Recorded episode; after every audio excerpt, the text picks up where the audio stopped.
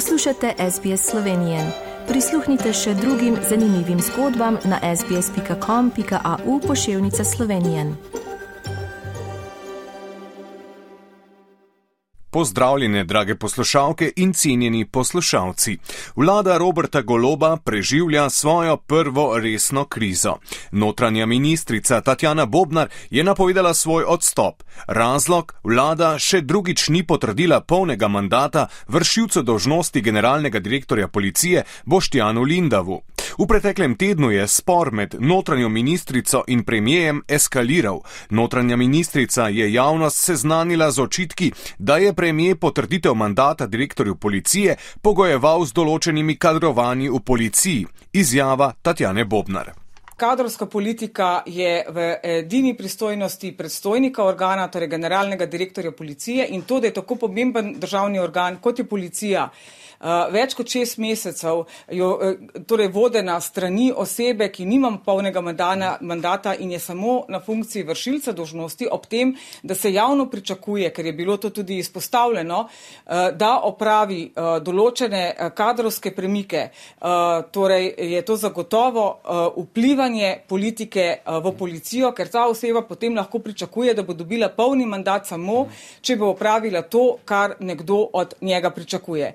In da uh, torej, bilo mi je rečeno, da si bom pridobila zaupanje samo na ta način, da bo določena oseba uh, izgubila torej službo oziroma prekinjeno delovno razmerje, kar je seveda popolnoma neustrezno. Predstavniki vladajoče stranke so ravnanje goloba zagovarjali, čež da ne gre za politične pritiske na policijo, ampak samo za usmeritve predsednika vlade. Članica gibanja Svoboda Urška Klakočar Zupančič. Vlada mora, je zakonsko obvezana dajati politične usmeritve, nedopustno pa je, da se politično umešava vsebinsko v delo državnih organov. Prve resne kritike aktualne vlade so ta teden prišle tudi iz civilno-družbenih organizacij. Izjava Katarine Brvar Strnat iz pravne mreže za varstvo demokracije. Koalicijske stranke so že v predvolilnem času napovedale popolno transparentnost in torej ravno situacije, kot je ta, terjajo to, da se postreže s pojasnili. Integriteta vlade zahteva, da se to pojasni javnosti. Vlada pa se mora poleg afere z domnevnimi pritiski na policijo ukvarjati tudi s plačnimi zahtevami sindikatov.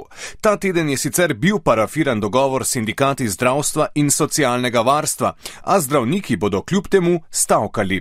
Poslušajmo izjave predstavnikov zdravniških sindikatov. Zadnji vladni predlog je v določeni meri sprejemljiv za mlajše kolege, vendar pa se, in to je tudi anketa jasno pokazala, tudi mladi strinjajo da je v bistvu na tak način ustvarjamo nova nesorazmerja znotraj zdravništva. Vendar zdaj prihaja do situacije, ko pa mladi zdravniki prihajajo praktično v isti pračni razred ali pa zelo podoben kot starejši zdravniki in jasno to povzroča nezadovoljstvo, ki ne vpliva pozitivno na to, da bodo zdravniki ustrajali v tem sistemu. Za kontekst, Slovenija se trenutno sooča z velikim pomankanjem zdravnikov, posebej osebnih zdravnikov. Po nekaterih ocenah naj bi bilo v Sloveniji kar 130 tisoč ljudi brez izbranega osebnega zdravnika.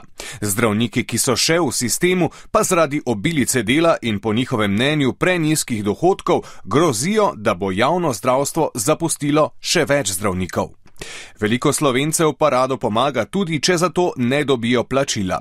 Prostovoljstvo ima v Sloveniji dolgo tradicijo. Iz skupnega poročila o prostovoljstvu v Sloveniji za leto 2021 je razvidno, da je kar 188 tisoč prostovoljk in prostovoljcev opravilo več kot 9,5 milijona ur prostovoljnega dela, največ na socialnem področju. Kar desetina slovencev je torej tako ali drugače vključenih v prostovoljstvo. To je bil tedenski pregled pomembnejših novic iz Slovenije. Pripravil sem jih Žan Dolajš. Želim vam prijeten praznični december. Pozdravljeni.